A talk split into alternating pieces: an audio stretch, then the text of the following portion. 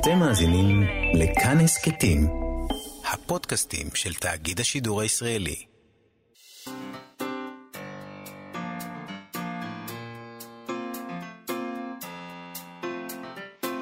מה שכרוך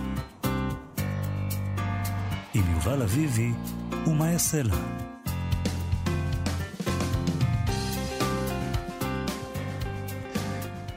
שלום, צהריים טובים, אנחנו מה שכרוך, מגזין הספרות היומי בכאן תרבות, מאיה סלע ויובל אביבי ב-105.3 FM, גם באפליקציה ובאתר אפשר לשמוע אותנו, איתנו באולפן אבי שמאי ולאוניד איזקוב שעושים איתנו את התוכנית. שלום לכם, שלום מאיה. שלום יובל. אז אנחנו בעונת הפרסים, ואנחנו שמחים לבשר על נורית זרחי, שאתמול נודע שהיא כלת פרס ישראל לספרות ושירה לשנת תשפ"א.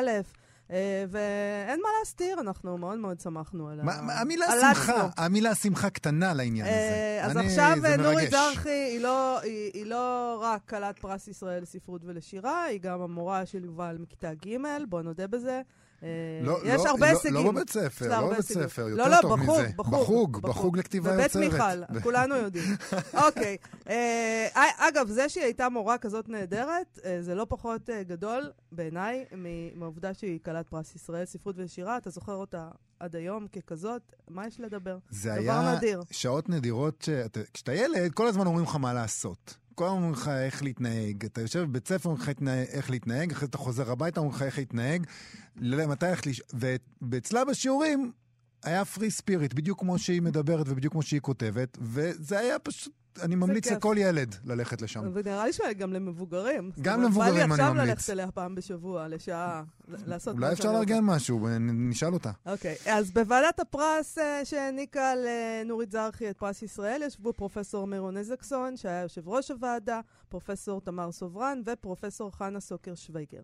בנימוקי הוועדה הם כתבו כך: המשוררת והסופרת נורית זרחי היא קול נדיר ופלאי בספרות העברית. המבחן העיקרי של ספרות מעולה הוא ייחודה וחותמה האישי, דהיינו התחושה שהיוצר מכונן דיבור משלו, עם אפיונים מיוחדים ושפה משלו שקל לזהותה. כל המרכיבים האלה חלים על נורית זרחי, וזאת בהיקף עצום של יותר ממאה ספרים, ובסוגות ספרותיות של שירה, סיפורת, נובלות, ספרות ילדים, מסות ומאמרים. עוד אמרה, עוד אמרה הוועדה, כתיבתה פורצת, אישית ודיאלוגית, מטאפיזית וקונקרטית, יהודית ואוניברסלית, ומגיעה למקומות האינטימיים ביותר בנפש האנושית. הכאב מופיע ללא מרירות, העוצמה פורצת ללא אלימות, הקסם צד באופן נדיר את הפלא הבריאתי והקיומי. יותר מ-40 שנות יצירה מגיעות לביטוי ספרותי דומיננטי, עצמאי ומקורי בספרות העברית הנוכחית, ומצדיקות בכל קנה מידה את הענקת פרס ישראל ליוצרת מוכשרת זאת. אני מסכים. אני חותמת. איפה חותמים? אני רוצה להגיד עוד משהו. טוב, אני כמובן מאוד מאושר מהבחירה הזאת באופן אישי, כן? אבל אני רוצה להגיד ש... באופן אישי. לא, באופן אישי, כי, כן. כי, כי יש לי חיבור רגשי עמוק ל... ל... לכל המורה, זה פשוט... זה ממסגר את זה במקום שהיא כל כך תנינה. לא מורה... כל כך לא... בדיוק, לתנינה. למכשפה הזאת הנהדרת. נכון. לא מורה. אה, אבל אני רוצה להגיד שמהמקום האישי אפשר להגיד משהו, אה, אה, משהו לא אישי, משהו אובייקטיבי. ומה שיפה, אני חושב, ביצירה שלה, זה שהיא יכולה ללוות בן אדם בכל השלבים של החיים שלו. אתה הולך ומתבגר איתה, אתה קורא את, את, את תנינה בתור ילד, ואחר כך אתה יכול לקרוא דברים קצת יותר מורכבים שלה לילדים, ואחר אני כך... אני לא מסכימה, סליחה, אני, אני רוצה להתנגד, סליחה. objection. לא, עוד לא הספקתי. הבנתי מה אתה אומר. אני חושבת שדווקא, אתה, אוקיי, היא כתבה גם למבוגרים, גם לילדים, אפשר להתבגר איתה, זה, זה לא בלתי נכון, אבל מצד שני אני חושבת שדווקא, מה שאני אוהבת בה זה ההיפוך. זאת אומרת, כשאתה קורא את הנינה כילד, אוקיי, יפה מאוד, אבל אתה יכול לקרוא אותו גם כמבוגר, ואז אתה רואה אותו אחרת לגמרי. זאת אומרת, אני כשנגיד קראתי אותה לילדים שלי, אה, ראית, זה לא הרגשתי שאני קוראת רק לילדים, קראתי את זה גם לעצמי. אני מסכים. זה הקסם שלה. אפשר שש... לקרוא לגמרי את הדברים שלה של ילדים בכל גיל. נכון. ואפשר גם, אה, לא, לא להתבגר איתה, להתבגר איתה זה, זה למסגר את זה. אתה חייב להפוך את זה לאיזה מין אה, לא, יצור סאחי כזה. לא, מה, לא. את הופכת את זה לסאחי להתבגר. כי אתה אמרת, יש בה משהו אה, אתה... אה, מח, עם, עם מכשפה. נכון. אני לא חושבת שהיא כותבת, זאת אומרת, אה, צריך להגדיר, אז, אז אומרים, זה ספר לילדים וזה ספר למבוגרים. לא, אני חושב... אבל היא תמיד נורית זרחי. היא תמיד נורית זרחי, והיא, ויש לה את היכולת המופלאה הזאת לדבר אליך בכל שלב שאתה בחיים.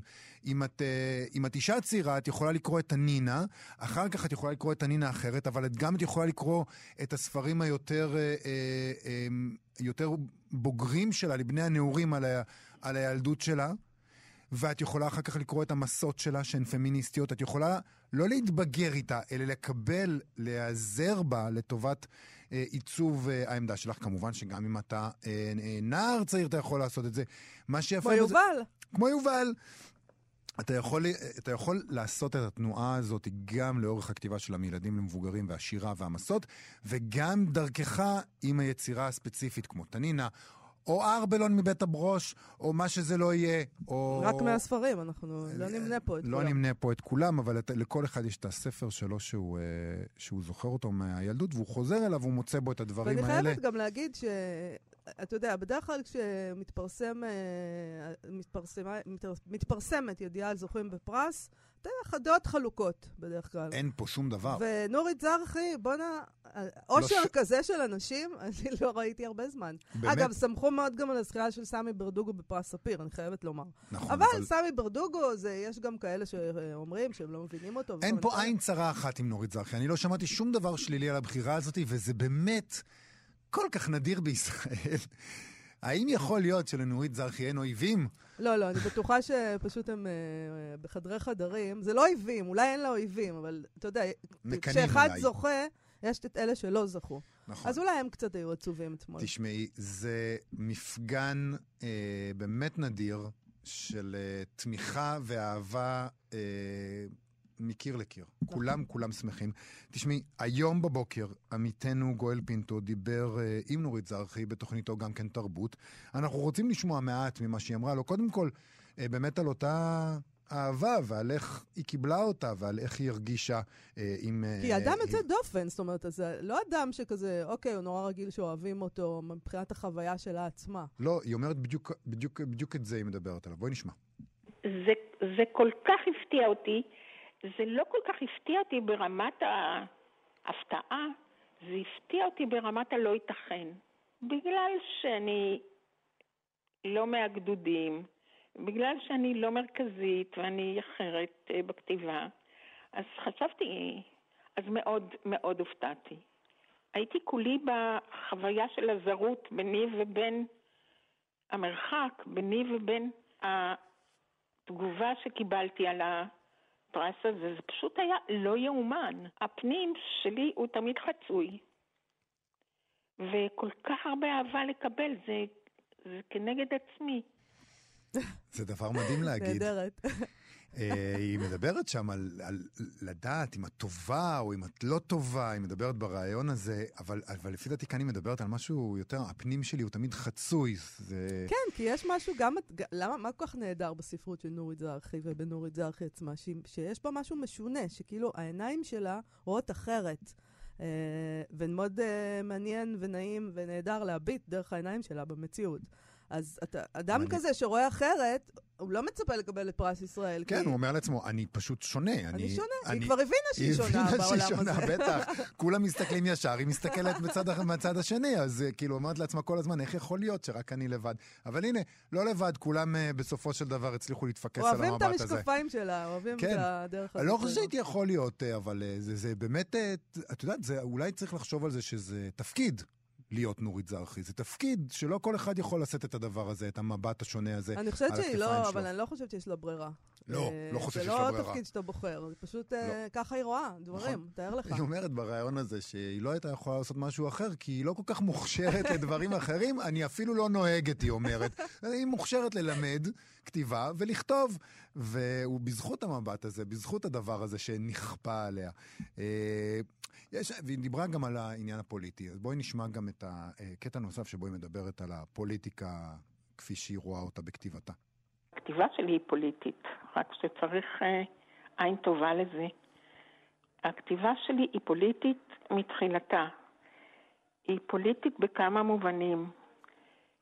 אה, דבר ראשון, כל הכתיבה שלי על ילדותי במסגרת הסוציאליסטית אה,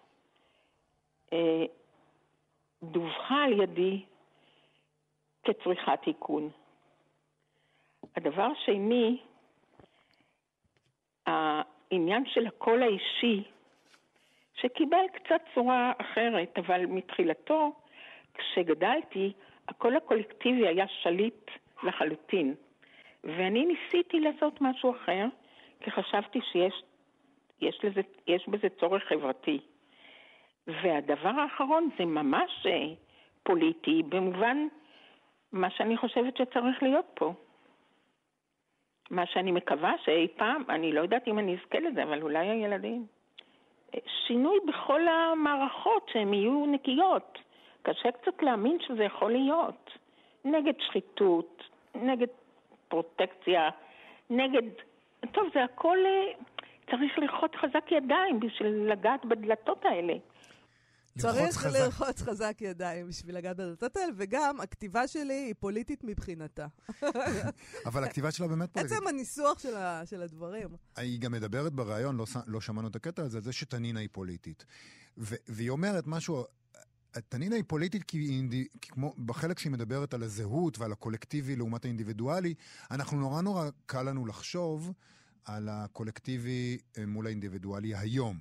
וברור לנו שאנחנו כולנו פתיתי שלג, ו- וצריך לגדל ילדים מחוץ למסגרת הסוציאליסטית הכופה הזאת. כן, אבל שכולנו... אנחנו מגדלים אותם בתוך המסגרת הקפיטליסטית הכופה הזאת. נכון, ו- ו- ויותר מזה, תנינה היא לא סתם אינדיבידואליסטית, היא כופרת בכל...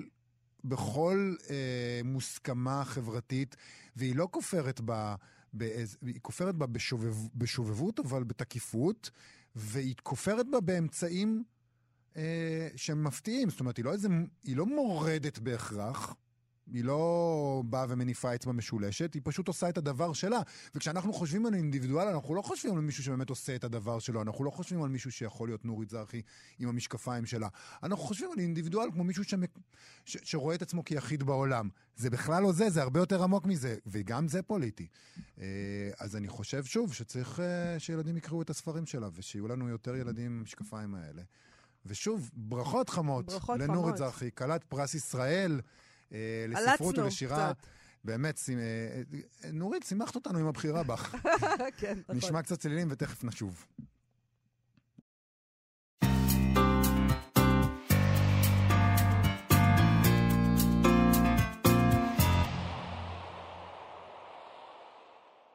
אנחנו כאן תרבות, מה שכרוך, מגזין הספרות היומי שלכם, עם כתב עת חדש שבא לעולם.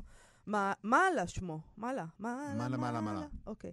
מדובר בכתב עת לביקורת ספרות. שיוצא בהוצאת מקום לשירה, הוא יופיע ברשת במלואו, אבל גם בפורמט מודפס. אה, הוא מוגדר ככתב עת לביקורת ספרות. אה, שלום למשוררת ולעורכת כתב העת הזה, מה עלה? נועה שקרג'י.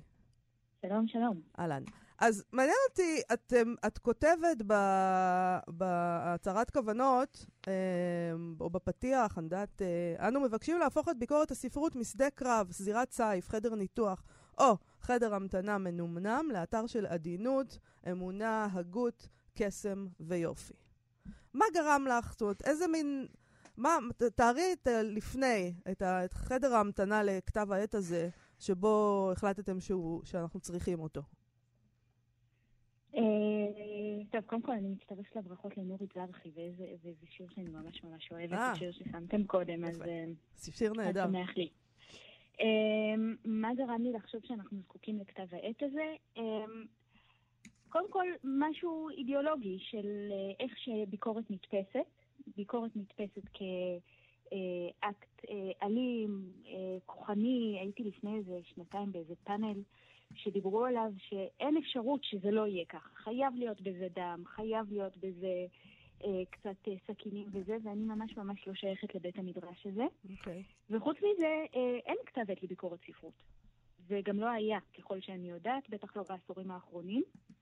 אה, וזה נראה לי ז'אנר בפני עצמו, שלכבד אותו אומר אה, לחקור אותו, להתנסות בו, אה, להפוך אותו לדבר בפני עצמו, לא רק שמשרת אה, את השדה, וגם שהשיר, ש, שהחלק של השירות לשדה יהיה אה, שירות מאזן שאני מאמינה שנכון לעשות.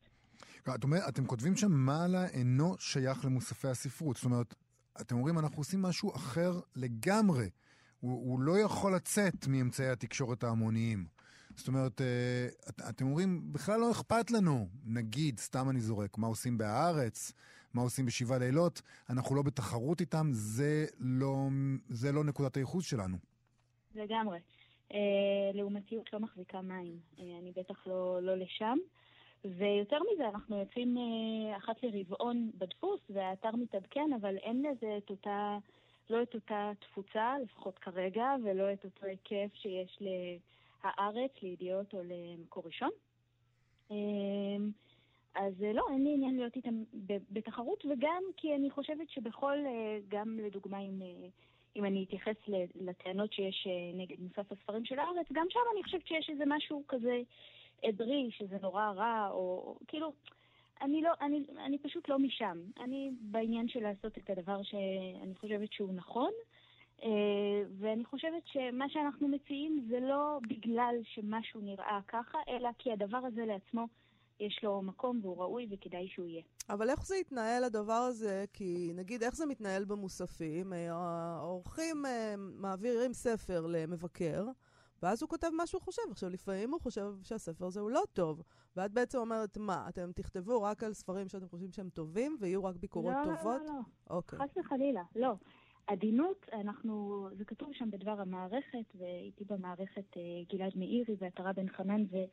אביב פטר, אנחנו כותבים שם בדבר המערכת שהתפיסה השגויה לגבי עדינות היא שעדינות זה או דרך למרוח את הכותב, אה, או אה, דרך אה, להיות נחמד, או שזה היעדר טעם, או שזה היעדר ידע. אני לא חושבת ככה, אני חושבת שיש גם דברים לא נעימים כשאנחנו אומרים, וכל אחד מאיתנו מכיר את זה מחיי היום-יום שלו.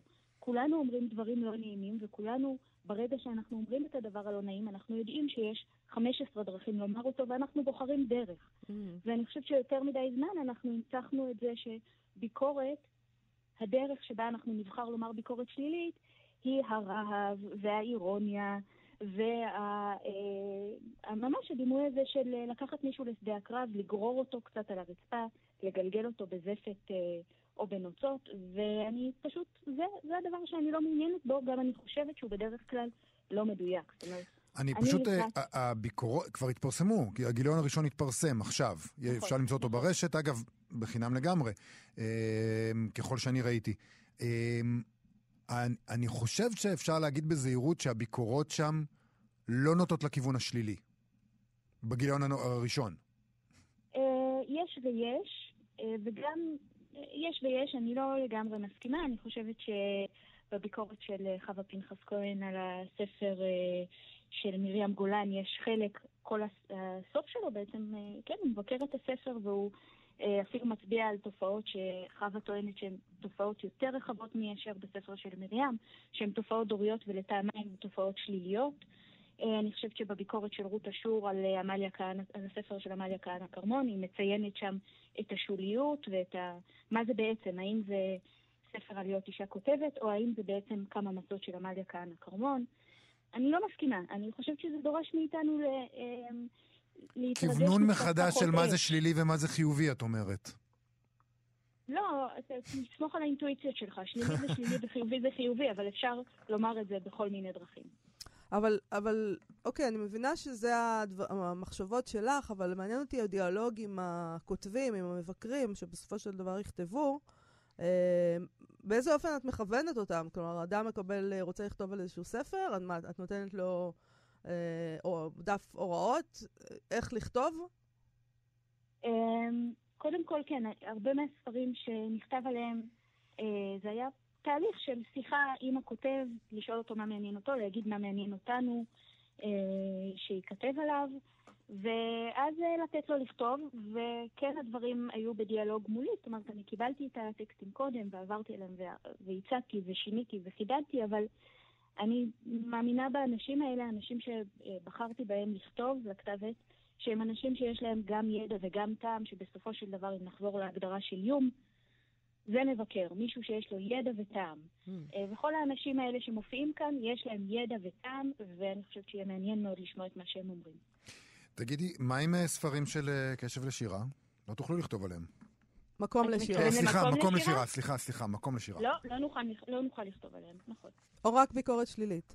אה, אה, תראי, כתב עת אה, חדש בנושא ספרות, זה תמיד דבר מאוד מאוד מבורך וגם מאוד נדיר, אין לנו הרבה כאלה, ומעניין אותי איך אתם עושים את זה מבחינת מימון, זה לא, לא עניין פשוט בימינו. תשמעי, יצאנו לדרך ואז גילינו שבעצם לא יהיה לנו לזה שום מימון, אז כרגע כל הדבר הזה הוא... בהתנדבות. מין, מין, לא, לא נכון, לא. כל הכותבים קיבלו שכר עבור העבודה שלהם, mm. כולם. אוקיי. Okay. אה, ואני חושבת, אם רגע ניכנס באמת למציאות של הביקורת, היום בישראל יש מבקר אחד שמקבל שכר כשכיר. כל היתר הם פרילנסים. והכסף שמבקרים מקבלים עבור העבודה שלהם זה בדרך כלל סביב ה-40 אגורות למילה, אה, מבזה. כן, בהחלט. וכתב העת שלנו עשה אחרת, ולכתחילה המחשבה הייתה שאם לא נייצר תנאי אפשרות אחרים, לא תהיה ביקורת אחרת. אם כל המהלך של הניצול ימשיך מאחורי הקלעים, לא יצא שום דבר החוצה שהוא טוב לספרות. אל תתפלאו שהמבקרים כל כך כועסים וכל כך אכזריים. לא, אני רצינית לגמרי. כן. אני ממש מאמינה בזה. אז, אז אבל בכל זאת את אומרת שאין לך מימון, אז איך, אז מה? אז איך? אז אה, בסדר, אז בינתיים אנחנו מנסים מכאן, מכאן, את יודעת, מקום נשירה זה מוסד אה, אה, שיש לו כל מיני, כל מיני אפיקים, ואז כן. מנסים ככה לשרוד את הגיליונות הראשונים, ו, ושיהיה בסדר, אבל אני לא, רוצה, אני לא רוצה להגיד משהו שהוא יותר מדי אה, אה, משיחי, אבל אם צריך להוציא, להוציא כסף, אז אני אוציא כסף. אני חושבת שזה חשוב, ואני חושבת שנסתדר, זה יהיה בסדר. חשוב לעשות את זה עכשיו, ברגע הזה, וחשוב לעשות את זה באופן הנכון. אני רוצה לשאול אותך, בהרבה מאוד מקרים אה, כתבי עת לא, מס, לא מסתפקים רק בביקורות, אפילו כשאנחנו קוראים כתבי עת מחו"ל, כאילו... literary reviews וכל מיני כאלה, הם לא יכולים להסתפק אך ורק בביקורות. הם עוברים למסות, הם עוברים לדברים יותר רחבים, הרבה פעמים הם משלבים בעצמם קטעי אה, פרוזה ושירה בפנים, כי, וזאת אולי, אולי הנחה אה, לא מדויקת, אבל יש איזו תפיסה כזאת שכשלעצמן הביקורות לא מספיקות כדי להחזיק את הקורא בפנים. אתה צריך לתת לו את החוויה של הספרות, של משהו יותר שלם. אתם הולכים להתמקד אך ורק בביקורות? לא יהיו דברים אחרים? כרגע לא יהיו דברים אחרים. כן, בכתב העת המודפס יש uh, ליד כל ביקורת את ככה זה מתחיל, עם פסקה ראשונה מהספר. Uh, אין את זה באינטרנט, יש את זה במודפס. Uh, אני חושבת שזה שוב תפיסה שהביקורת היא משנית, uh, ולכן חייבים שיהיה בה גם הדבר עצמו. אבל uh, אני חושבת שזה שגוי, וגם אם נלך לשירים או לסיפורים, אנחנו נרצה לחפש שירים או סיפורים שהם בעצמם עושים ביקורת לספר. אבל בטח בשלב הזה, ובטח ברגע הרעוע הזה, שבו דווקא יש איפה לפרסם שירה ופרוזה, אבל אין איפה לפרסם ביקורות, או שיש מעט איפה לפרסם ביקורות, או שאין במה מרכזית לביקורת, אז נראה לי שזה מה שצריך. נהדר. כל כתב עת אני מקבלת uh, בברכה, uh, וזה שאתם גם מדפיסים אותו, זה ממש uh, גורם לי לעלות, כי אני עדיין אוהבת את זה מודפס, בניגוד ליובל. אנא שילחו לי עותק. לא, uh, אני, אני, אני, אני אני מאוד שמח שזה מודפס, אפילו אם אני בעצמי... זה ממש נחמד. אפילו אם אני בעצמי קורא בקובץ דיגיטלי, uh, לפעמים הדבר, הדבר כשלעצמו זה, זה חפץ בעולם, זה נהיה חפץ בעולם ולא רק אה, ביטים נכון. או אלקטרונים או מה שזה לא יהיה. נגיד למאזינים שלנו שקוראים uh, לכתב העת הזה מעלה, ואפשר למצוא אותו ברשת, נכון? אה, נכון. ונודה לך, נועה שקרג'י, שיהיה לכם בהצלחה. אנחנו, אנחנו נמשיך לעקוב. אנחנו מאוד שמחים ונעקוב אחריכם, בהחלט. מעולה, תודה. להתראות.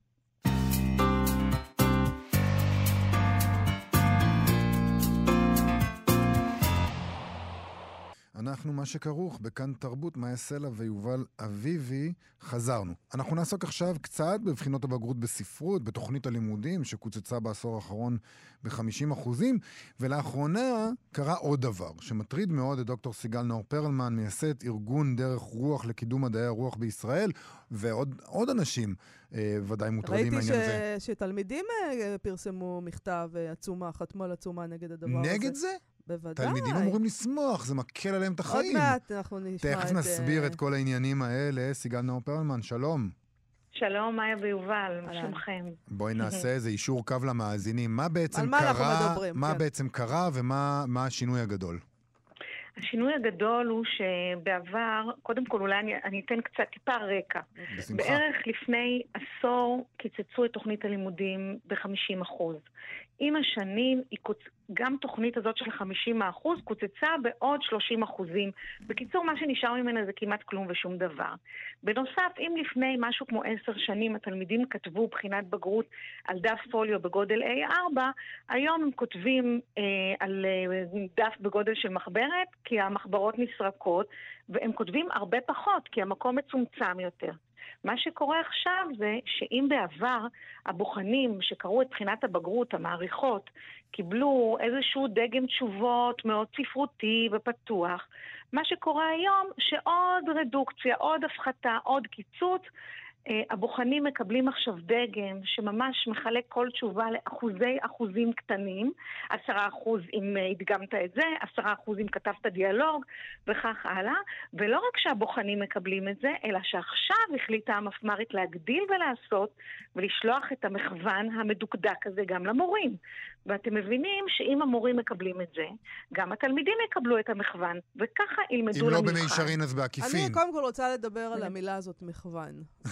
מה זה המילה הזאת? את גם משוררת, אני רוצה לדבר על המילה מכוון. זה מסמך מכוון. אני לא יודעת. מסמך מכוון, לא היינו בצה"ל. בעצם, מה שאפשר לעשות... זה בחטא. זה בחטא. מכוון, זה כן. לוח מכוונים, זה גם בחטא. אני נכון, לגמרי, בדיוק, אז, אז אני גם לא הבנתי. אז זה מילוח מכוונים, ובעצם מה שאפשר לעשות, את הבחינת בגרות בספרות, אה, עוד מעט לא יצטרכו מורות אה, לבדוק, אפשר יהיה להעביר את זה בתוך מחשב. והמחשב פשוט יסרוק את התשובות, ויראה שיש uh, את המילים דיאלוג ולא יודעת, מטאפורה, אם יש את כל המילים... זאת אומרת, אם אתה כותב, אם אתה אומר, בשיר יש ציון. מטאפורה והצבע האדום זה דם, קיבלת עשרה אחוז, אתה לא צריך להרחיב. ואם אמרת, זה דיאלוג אה, רב-קולי, ואתה... לא יודע, משהו כזה, לא דיאלוג רב-קולי, אין דבר כזה. דיאלוג של שני. אבל זה לא נכון. משנה אם יש דבר כזה או אין דבר כזה. כי המחשב רואה שכתבת דיאלוג ורב-קולי. אז מה, למה, בוא נצא בקריאה למשרד החינוך, ונגיד לו, חבר'ה, תבטלו את מקצוע הספרות בכלל, עזבו, זה לא בשבילכם. רגע, לפני שאנחנו מבטלים, רגע, לפני כן. שאנחנו מבטלים את הספרות, כן. את מסכימה לבטל? אתה שואל אותי אם אני לא, מסכימה לא, לבטל? שמה, לא, עם מה שמאי אמרה. עם מה שמאי אמרה, אם אני מסכימה לבטל, אני לא יודעת, לדעתי הוא כבר בוטל. זאת אומרת, אה, מה, נכון. מה נשאר לתלמידים לעשות? כלומר, אם בעצם המורה נכנסת לכיתה, והיא נכנסת עם המכוון הזה, כי היום גם המנהלים, משרד החינוך והמנהלים, כולם לוחצים שבחינות הבגרות יהיו כל כך מדויקות, אז בשביל מה לספר למשל שביאליק נולד בשנה הזאת והזאת, ומת בשנת 1830, 1934? בשביל מה לדבר על המקום הולדתו של עגנון ועל ה, על ה, על הספרות שלו. בשביל מה להגיד, אה, לדבר על השוואה ולעשות איזושהי השוואה בין, אפילו נגיד מופרכת כמעט בין עגנון וקפקא? בשביל מה? אין צורך בדבר הזה. התלמידים צריכים לענות חמש תשובות, בבח... אה, חמש שורות בתשובה, לכתוב, להביא איזה דוגמה, וזה הכל. ותראו את המחוון, כתוב שם למשל, התלמיד לא יסטה. באמת, אני קראתי תלמיד לא יסטה. אם אני צריכה היום לכתוב מבחן בגרות, אני רועדת מפחד. אני רועדת מפחד לסטות, ואולי, שיחשבו שאני בכלל סוטה לאיזשהו מקום שאסור לי להגיד אותו. כל הדבר הזה הוא השתקה אחת גדולה. עכשיו, אני יודעת מה הם יגידו שם במשרד החינוך. מה את רוצה? אנחנו עובדים יותר נכון, אנחנו מחלקים לאחוזים כדי שיהיה יותר ברור, הופכים את זה ליותר ברור ויותר ברור. אבל מאיה, את אמרת שהתלמידים יצאו בעצומה וזה נכון. נכון. התלמידים לא מטומטמים, כבר יש עכשיו כמעט 140 חתימות, העצומה יצאה אתמול בלילה. והם כותבים בעצומה, המחוון הזה הוא תעודת עניות שלכם, לא שלנו. היום כתבתם מחוון שאומר לנו בדיוק מה לחשוב ובדיוק מה לכתוב, ומחר מה יישאר מהאחוזים שציינתם ליד עגנון וביאליק? כלום ושום דבר. ואת זה הילדים כתבו בעצומה הזאת. תגידי, את רואה באמת כן. הצטמצמות, כמי שמצויה בדברים האלה, את רואה הצטמצמות לאורך השנים באורך התשובות שתלמידים כותבים ובאורך התשובות שהם מסוגלים אליהם, הרי את מלמדת הרבה תלמידים שהם בדרך כלל אה, כן מעוניינים במדעי הרוח. את רואה הצטמצמות במובן הזה? תראה, כשהם מגיעים מבתי הספר, ומתוך הסד הלוחץ הזה שמחייב אותם באמת לענות בדיוק בדיוק, ולא לא להכניס שום מחשבה עודפת ושום ידע עודף ושום... כן, אני רואה את הדבר הזה. לוקח זמן גם לפתוח אותם. כל הזמן הם כל הזמן שואלים, אבל זה יתקבל במשרד החינוך? אבל זה יתקבל. עכשיו, אני צריכה להגיד שבעבר... אה, הבוחנים, המעריכים, המעריכות, בדקו את הבחינה וקראו אותה בתשומת לב ועם איזשהו רוחב דעת, ואני אמרתי לתלמידים, תשמעו, אין כזה דבר משרד החינוך. אבל עכשיו אני כבר לא יכולה אפילו להגן על משרד החינוך ולהגיד שאין, כי עובדה שיש. עובדה שיש, ויש שם ניסוחים, פשוט, באמת, תקראו את המחוון הזה, למשל ניסוחים עילגים, כמו אפילו השטן בשיר של ביאליק על השחיטה אינו יכול לייצר נקמה. מה זה לייצר? איזה פס ייצור? מה, מה זה, מרקס כתב את השיר הזה? אני לא מבינה, פועלי כל העולם התאחדו? תראי, אנחנו מדברים... אנחנו מדברים עכשיו על, אה, על התלמידים, ואנחנו מדברים עכשיו על, ה, על הספרות, וכולנו חשוב לכולנו פה, בשלושתנו, חשוב הספרות, אה, אני יכול להעריך ככה לפחות, אבל יגידו במשרד החינוך גם בסדר, טוב שאתם כולכם אה, כל כך בעד הספרות, אבל מה עם המעריכים? קשה מאוד לתת ניקוד לבחינות בגרות במדעי הרוח. ואפילו בהיסטוריה יותר קל. אז בוא נבטל גם את הפקולטות למדעי הרוח באוניברסיטה, כי זה נורא קשה. רגע, אולי הקריאה הזאת הגיעה מאנשים, אנחנו לא יודעים איך לתת ציון, אנחנו לא יודעים מה לעשות. אולי המורים באמת לא. רוצים את הדרך הקצרה. יכול להיות שהמורים כן, יותר קל לתת תשובה אני... במתמטיקה, כן נכון, לא נכון, יש פה טעות נגררת, אתה מקבל 50 אחוז. איך תשמעו, עושים את זה בספרות? אני עשר שנים הערכתי בחינות בגרות, וגם נחשבתי מה שנקרא מעריכה בכירה, כלומר מעריכה שמדריכה את המעריכים האחרים, וגם הגיעו אליי בחינות בגרות שנניח כל בחינה נבדקת על ידי שני מעריכים, וכשיש איזשהו פער ביניהם, זה מגיע למעריך שלישי, ואני בדקתי גם את הפערים. אנחנו בדקנו שנים ארוכות בחינות בגרות, ולא היו כל כך הרבה פערים בין המעריכים, אלא אם כן פתאום היה איזשהו מעריך באמת שהתחלק על השכל ונתן, לא יודעת מה, ציונים נורא נמוכים או נורא גבוהים. אבל ברוב המקרים המעריכים, מה הם? לא מורים לספרות, לא מורות לספרות, הן יודעות איך לקרוא. קצת כבוד, באמת.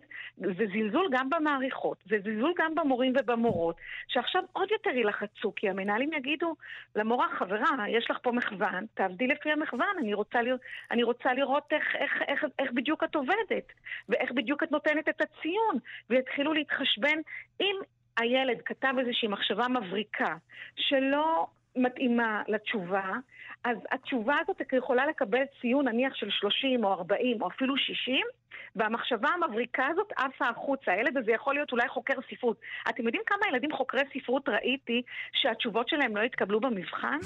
זה פשוט לא ייאמן. המורים רועדים אבל... מפחד. אני רוצה אבל לשאול אותך, הרי אנחנו לא מייחסים אני, אני מניח, למשרד החינוך זדון. הם לא רוצים למוטט את, ה, את לימודי הספרות. מה האינטרס שלהם, אם ככה, לדעתך? יש לי ש... אה, שתי תשובות קצרות. אחד, הם חלק מהמערכת הניאו-ליברלית שכל הזמן מודדת. אפשר היה לחשוב שאחרי הקורונה אולי הם יתעשתו שם ויבינו שבמקום למדוד יתחילו לראות את הילדים.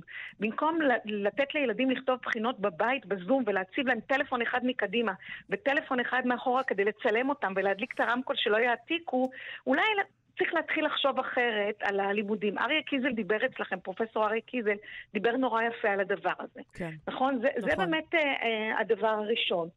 אה, זה, זה פשוט, אני, ו, ואני עכשיו לא, לא זוכרת מה, מה הייתה השאלה, פשוט פרח לי מהראש, כי אני כל כך... מה, אה, מה האינטרס של משרד החינוך? האינטרס השני, וכן, והאינטרס השני הוא פשוט, באמת, אני אומרת לכם, אני בהתחלה חשבתי שאולי אני קונספירטיבית, אולי אני פסיכית, לא. האינטרס זה להשתיק. שיעור ספרות זה המקום היחיד.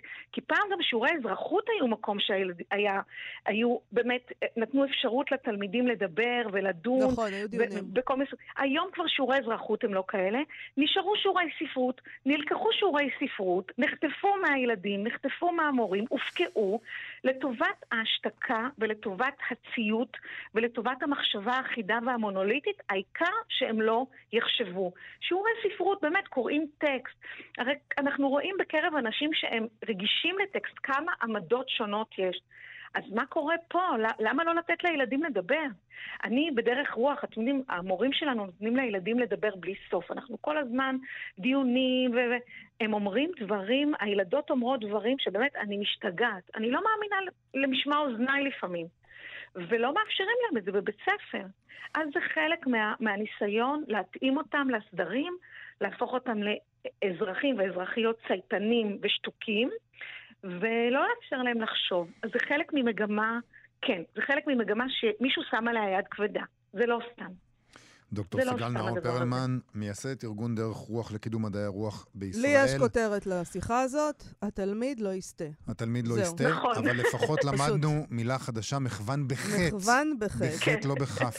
תתחילו לעבוד על העברית שם, קודם כל, במשרד החינוך, תמצאו מילים. אולי אנחנו לא הבורים, לא, אנחנו לא, אני מצטערת. אני, אני, אני לא. מה שהם עושים שם לא מעיד על כך שיש שם איזו מחשבה מאוד עמוקה. תשמעי, זה נשמע מאוד מדאיג, אני מניח שאנחנו עוד אה, נדבר על הדברים האלה. סיגל נאור פרלמן, תודה רבה על השיחה. תודה לכם. תודה רבה. ביי תודה רבה על השיחה. תודה לכם. תודה רבה. ביי.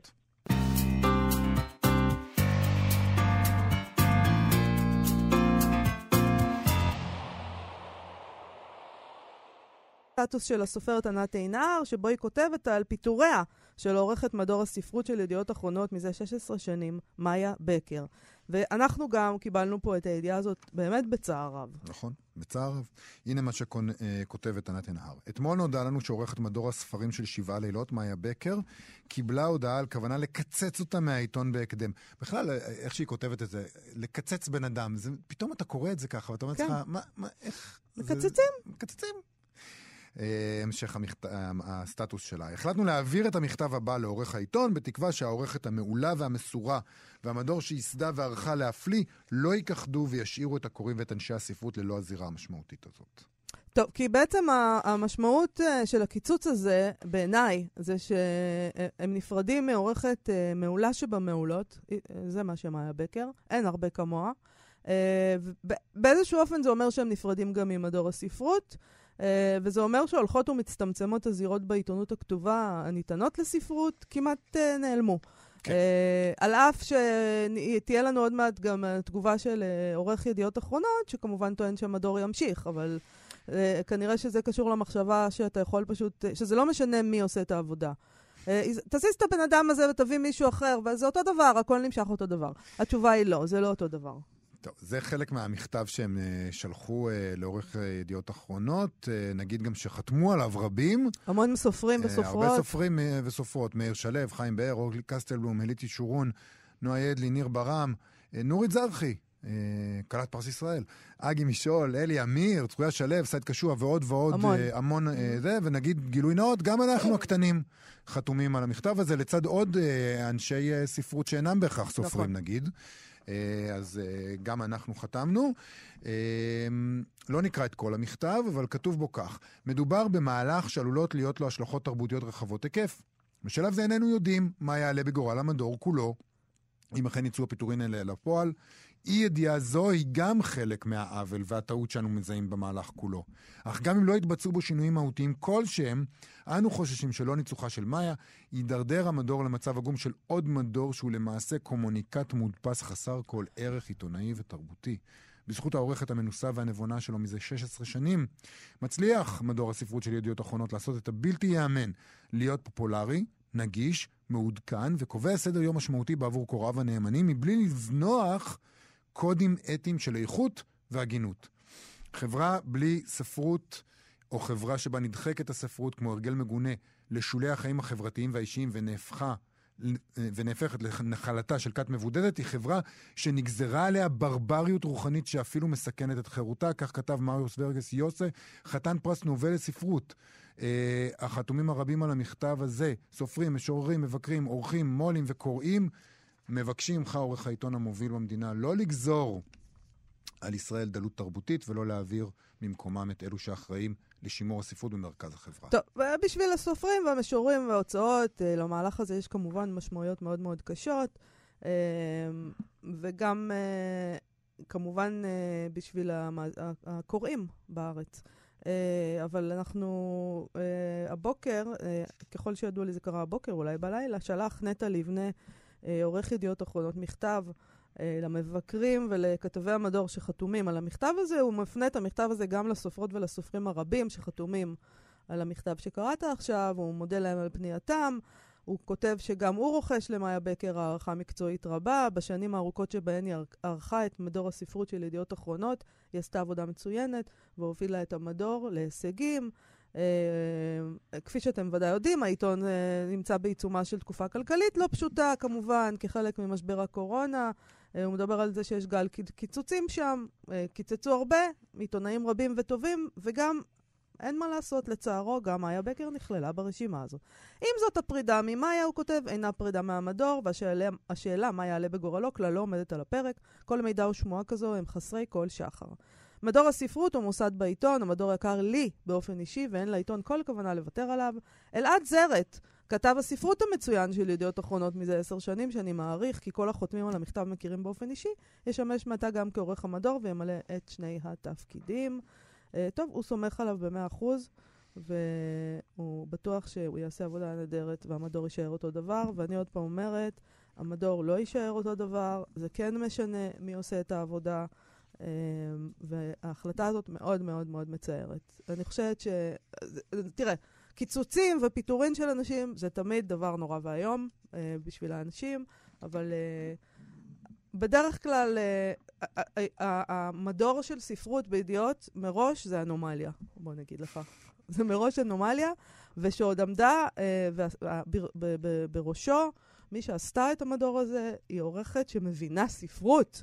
מבינה גם עיתונות, אבל מבינה ספרות. זה דבר נדיר, אין הרבה דברים כאלה. אני חושב שגם המכתב הזה, שנכתב אה, ונשלח לעורך העיתון, והחתומים עליו, זה דבר נדיר, זה לא דבר שקורה הרבה. נכון. שפתאום כולם מתגייסים ואומרים, כן, נכון, זה צריך לקרות, קולגות ואנשים שהם אה, לכאורה גם, אה, נגיד... אה, יריבים בתקשורת או משהו כזה? לא, גם יריבים, גם אולי סופרים ש... אתה יודע, יש, אצלה לא ביקורות, לפעמים הן לא נכון, טובות. כאילו... נכון, נכון, נכון. נכון. אה, דבר נדיר. וזה לא דבר של מה בכך שפתאום עולם הספרות מתגייס מול... אה, מול אבל זה לא הזה. בגלל שמאיה בקר היא חמודה ואנחנו שותים לא, את לא. הקפה לא. בבוקר, ממש לא. בגלל שהיא חשובה וטובה. חבל מאוד. זה מהלך מאוד מאוד מצער. אני קוראת לעורך ידיעות אחרונות לשקול מחדש את הדבר הזה, אבל אנחנו צריכים לסיים עכשיו. Uh, תודה רבה ללאוניד איזקוב ולאבי שמאי שעשו איתנו את התוכנית. Uh, אנחנו מזמינים אתכם לעמוד הפייסבוק שלנו ולעמוד הפייסבוק של כאן תרבות. אנחנו נהיה פה שוב מחר. להתחאות. להת... אתם מאזינים לכאן הסכתים, הפודקאסטים של תאגיד השידור הישראלי.